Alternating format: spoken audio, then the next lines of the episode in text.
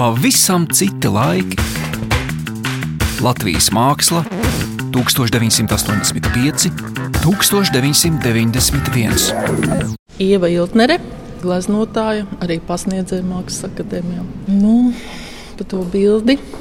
Tā tad akadēmija ir pabeigta, četrus gadus ir pabeigta akadēmija, kas man bija tāda liela trauma, jo es vispār nezināju, kā dzīvot tālāk bez akadēmijas. Bija tā pierasts, un tās bija tādas mājas, un bija draugi, kursa biedri. Un, nu, bet um, man bija divi mazi bērni.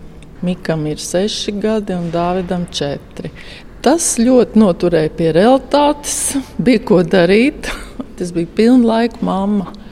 Bet tā tad lai es justos labi, un tas bija no paša, paša sākuma. Lai es justos kaut kādā līdzsvarā, man vajadzēja to gleznošanu. Ne tikai sievietes arī saprot, tas ir tāds nepārtrauktais darbs, kuram ne gala, ne malas. Tas viss tev jāpieiet filozofiski, ēst taisīšanai un katras dienas rutīnai. Bet par to bildi man likās, tas, ko es uzstāju, tas stāv tur darbnīcā, paliek. Tur nekas ar drupečām netiek nokaisīts, un nekas tur nepazūd. Tur ir citas problēmas, protams, citas problēmas un šaubas un cīņa ar sevi un kā dabūt redzam to, kas tev galvā. Bet tās bija citas, un tas man šausmīgi palīdzēja saglabāt tādu līdzsvaru. Un tas īstenībā ir līdz šai dienai. Tas būtu par formālo pusi, bet man tā bilde ir um, pirmkārt interesanta atklāšanā pat divi cilvēki teica, ka viņi atcerās to gleznu. Tātad 86. gadu, kad bija izstāžu zāle Latvijā lielā, un tur bija rudens 86. Es savā brūnajā kladē arī atradu, bet viņi tātad bija rudens izstādē. Un arī tātad iegādājās, kā redzams, muzejs. Ja. Pēc akadēmijas bija ļoti būtiski arī atbalsts. Ja. Šeit tas sižets tur ir pa Judīti un Holofernu. Un un galva, kas ir nogriezta. Bet uh, es varu pateikt, ka nu, tas sižets ir. Tas ir viens slānis, kā mēs zinām.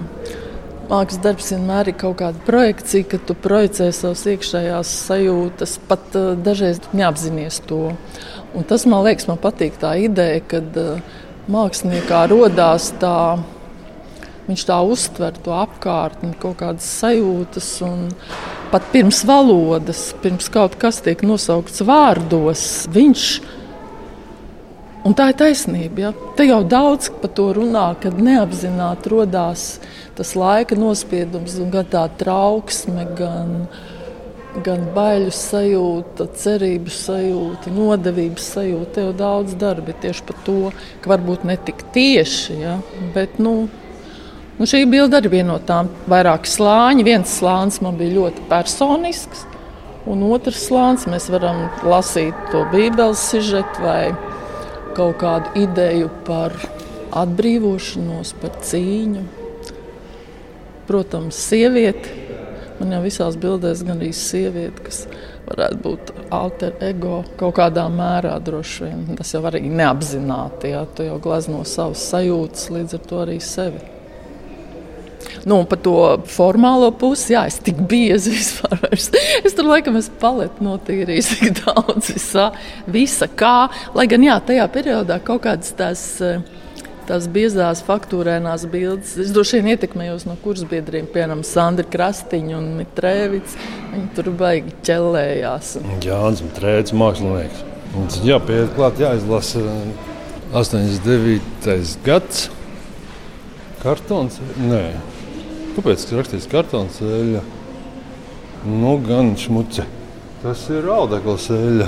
Beidzot, kaut ko sliktu arī atradām. Tas bija laiks, kad kaut kādas tādas, kā lai to saka, emocionālas lietas tika taisītas. Vienkārši kaut kā droši vien tagad ar laika distanci uz to apskatoties, saprotu, ka tas ir kaut kāda reakcija uz esošo situāciju. Un, un visu to. Un tad ir eh, nu, diezgan lakoniski nosaukumi tajā laikā tam darbiem. Tā mana pārliecība ir, un, eh, ka vizuālā māksla ir bez šī komentāra tāra, jo faktiski viņi ir vizuāli, viņi vizuāli uztverami. Ir kaut kādas tehniskas lietas, kas šobrīd, teiksim, tev vajag kaut kādu pieteikumu vai kaut kādas lietas, kur ir vajadzīgs tā, teiksim, nu, koncepcijas apraksts un tā tālāk skaidrs. Teiksim, bet es nedomāju, ka būtu šiem blāķiem jābūt pie darba izstādē. Te pašā laikā es vienkārši ievēroju, ka ir faktiski cilvēki normāli reaģē, viņi arī lasa šos rakstus. Bet uh, tad es domāju, ka tur ir kaut kāda jocīga lieta, jo faktiski tu iespaido to skatītāju, nevis ļauj viņam pašam. Jo jebkurš mākslas darbs faktiski ir dažādi uztverams. Un man šķiet, ka teiksim, mēs nojaucam to dabīgo skatītāju uztvērumu tad, ja mēs dodam viņam jau šo priekšlasījumu. Tu vari runāt. Atceras mākslinieki. Tajā laikā, 80. jā, tas jau faktiski man pašai ir aizmirsies. Bet, eh, nu, tā tas bija. Es biju pilnu laiku māma mājās, un bērni negāja dārziņā. Es ar viņiem visu laiku gan gāju ārā, gan taisīju ēst. Piemēram, kad bija tā Pētera baznīcas tā akcija, trešais galds. Tieši tā mēs dzīvojam Kaļķielā vēl līdz šim brīdim, tuvu. Bet es skraidīju, es atceros, man pasauca. Nu, protams, es piedalījos, tur aizgāju, vajadzēja maskas noņemt. Bet, nu, Džons, Sandra, tie bija AIA, tie faktiski īstie organizētāji, darītāji.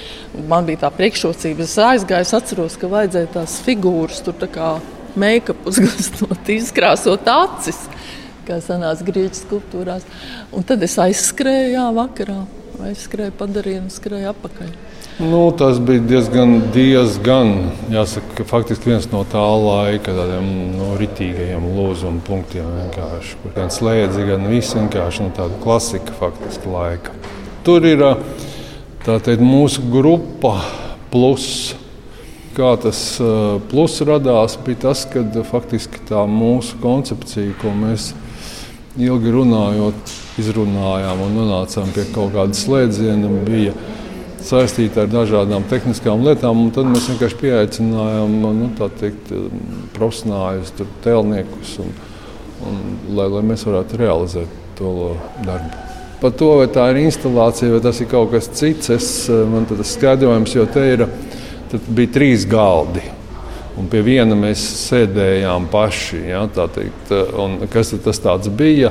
Es domāju, tur to klasisko veidu, vai tas bija performance, vai tā bija instalācija, grūti noteikt. Tam arī nav būtiska nozīme. Es arī vienkārši domāju, ka uz, līdz šim brīdim faktiski arī tur par viņu dažādi runā. Bet, uh, tur viss ir kārtībā. Kaut arī tie teiksim, varbūt klasiskie paņēmieni ir sajaukti, bet uh, neviens par to šo gadu laikā nav uztraucies, ka tur bija gan, gan šī instalācija, gan performance un visas tās lietas, bet viņas bija acīm redzot nu, organiski sataisītas kopā, ka neradās tieši par to tehnisko izpildījumu nekādas domas un kaut kādas lietas. Tas viss kopā bija nu, tāda revolūcija, teiksim, tā, tā izstāde. Ja.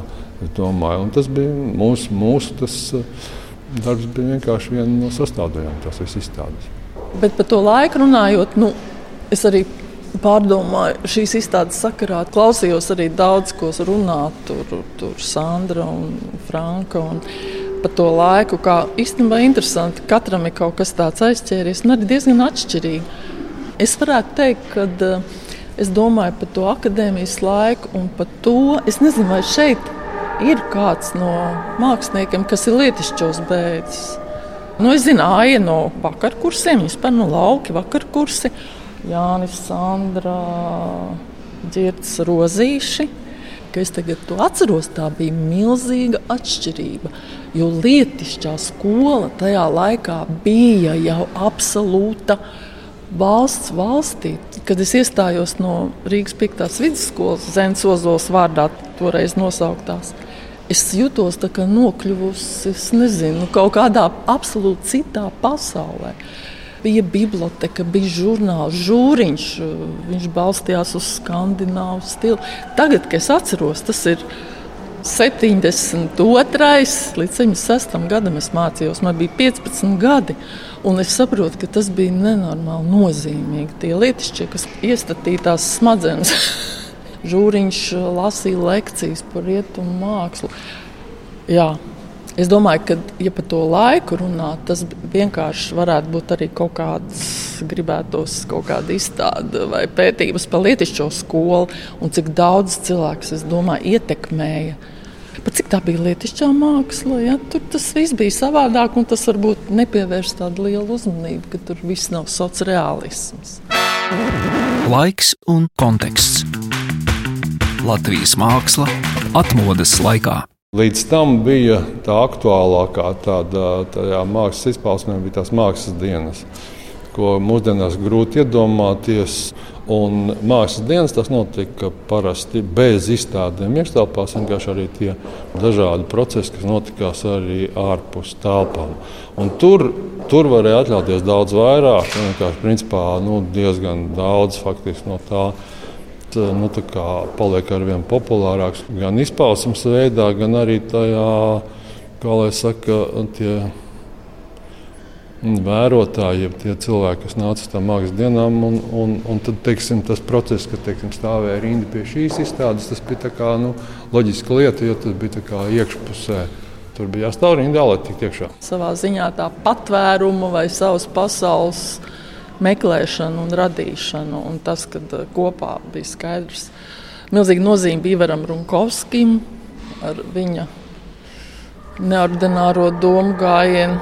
Nu, jā, un, un tam bija liela nozīme tieši arī akadēmijas laikā. Tad viss tā notika tāda varbūt neapzināta darbošanās, bet vienkārši ļoti aktīva. Bija daudz izstādes, mēs visur varējām, visur mēģinājām piedalīties. Tas jau tad sākās. Ja? Un pēc tam, jau, kad grupa izveidojās, jā, bija tā milzīgā izstāde Latvijā. Nu, tas viss bija ļoti pareizi. Mūs pamanīja. Kā zināms, daudzi atcerās, kā gājuši uz Latviju. Bieži un skatījušies. Nu, jā, par to ir daudz runāts. Un katram tur bija varbūt arī savas sajūtas. Ja? Bet jā, tas bija 90. gads. Tad man bērni jau gāja skolā. Es parasti domāju, ko es darīju ar tiem bērniem. Kur viņi bija? Gāja skolā un bieži pēc skolas nāca tur viņiem savu stāstu, kā viņi daudzījās par kaut kādiem izstāžu zāles uh, aizkulisēm, forša vide. Un, Turpat arī mēs tur kaut ko bakstamies. Nu, tur jau varēja redzēt, mākslā tā fotografija, kā abi divi tur stāv un kaut ko ļāva arī kaut ko viņiem zīmēt. Nu, katrā ziņā bērniem jau interesanti, viņiem atrod, ko darīt. Ja mēs runājam par izstādi, viņi ir ļoti aktuāli un faktiski ļoti sasaucās ar, ar mūsdienu laiku. Tas ir tāds dīvainā kārtā liekas process, kas ir šobrīd pilnīgi savādākā veidā, bet faktiski norises atkal lielas pārmaiņas pasaulē. Pirmām, es domāju, kā reizi mm, diezgan precīzi, jo, ja mēs runājam par šo laiku, tad arī tas process vēl nav noslēdzies. Tas ir tikai iesācies. Es domāju, ka tas ir teikt, analoģisks tam procesam, kas notiek šobrīd pasaulē. Pavisam citi laiki. Latvijas māksla 1985, 1991.